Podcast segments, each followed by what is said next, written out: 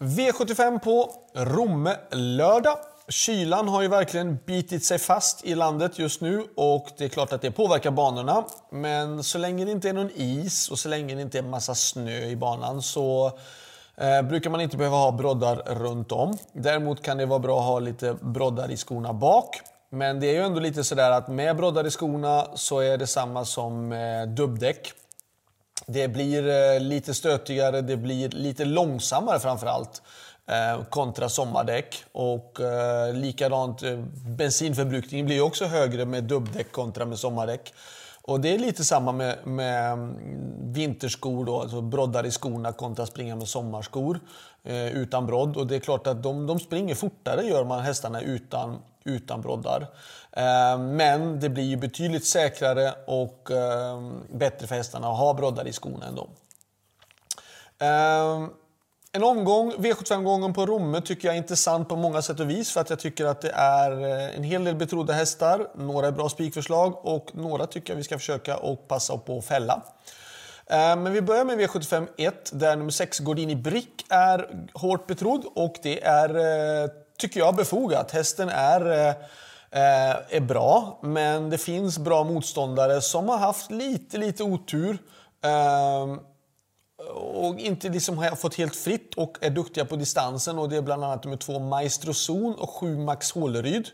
Ehm, två bra hästar som absolut skulle kunna utmana Gordini Brick.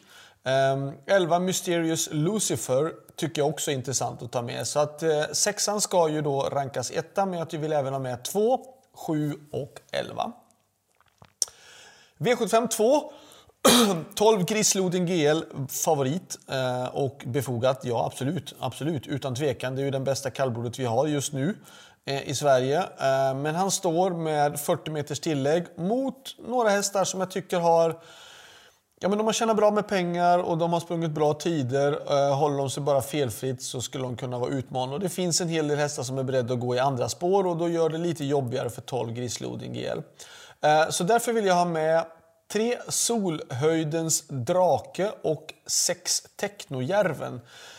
Kanske det är lyxstreck, absolut. Eh, men jag tycker ändå, hästar som har fartresurser, ja, det kan vara värt att försöka fälla 12 grisloding med eh, dessa två hästar. V75 3 har vi med nummer 1 Titania Hills och hon känns bra. Hon möter ju dock nummer 3 Global Dancer som är hårt betrodd. Eh, och 5 Carbon Fiber. Eh, jag tycker Global Dancer är eh, eh, bra, men jag tycker ändå att hon blir väldigt hårt sträckad och jag skulle vilja gardera. Och jag tycker att 5 Carbon Fiber har Eh, styrkan för att kunna utmana. Ett Titania Hills, ja, om man vill plocka med en 4, 5, 6 hästar, ja, då tycker jag att hon kan vara värd att plocka med. Likadant så tycker jag att det finns eh, två stycken kapabla hästar men med riktigt dåliga utgångslägen och det är nummer 11 Ninepots Birdie och 12 Siva. Men tre ska ju såklart eh, rankas etta i loppet. V75 4, det här loppet tycker jag är det svåraste loppet i hela omgången. Eh, och jag har valt att gardera på med en hel del hästar. Jag vill ha med nummer 1 Livy Princess HM. 4 Something Royal från mitt stall som känns jättefin. Hon vann på ett väldigt bra sätt senast. Lite lurigt med fjärde spår, men jag tycker att hon uppträder vettigt och jag tror att hon kommer att klara det. 6 eh, Ice Cream In, 8 Calamayor DB, 11 Be The One, 13 Tullibardin Bow och 15 Digital Class. Så att 1, 4, 6, 8, 11, 13 och 15. V75 5, 2 Working Class Hero kanske är den som bara spetsar och vinner, men jag tycker att...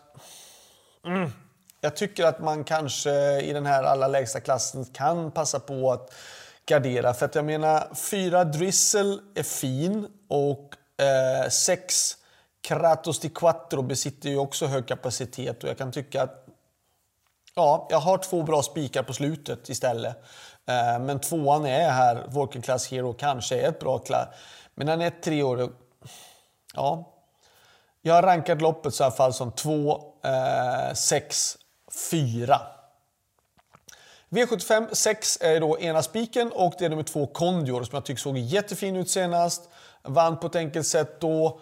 Eh, startsnabb. Ehm, 1600 meter bil, förutsättningarna är rätta. Jag tycker inte att det är så tufft motstånd heller i det här loppet. Så för mig är det spik på två Kondior.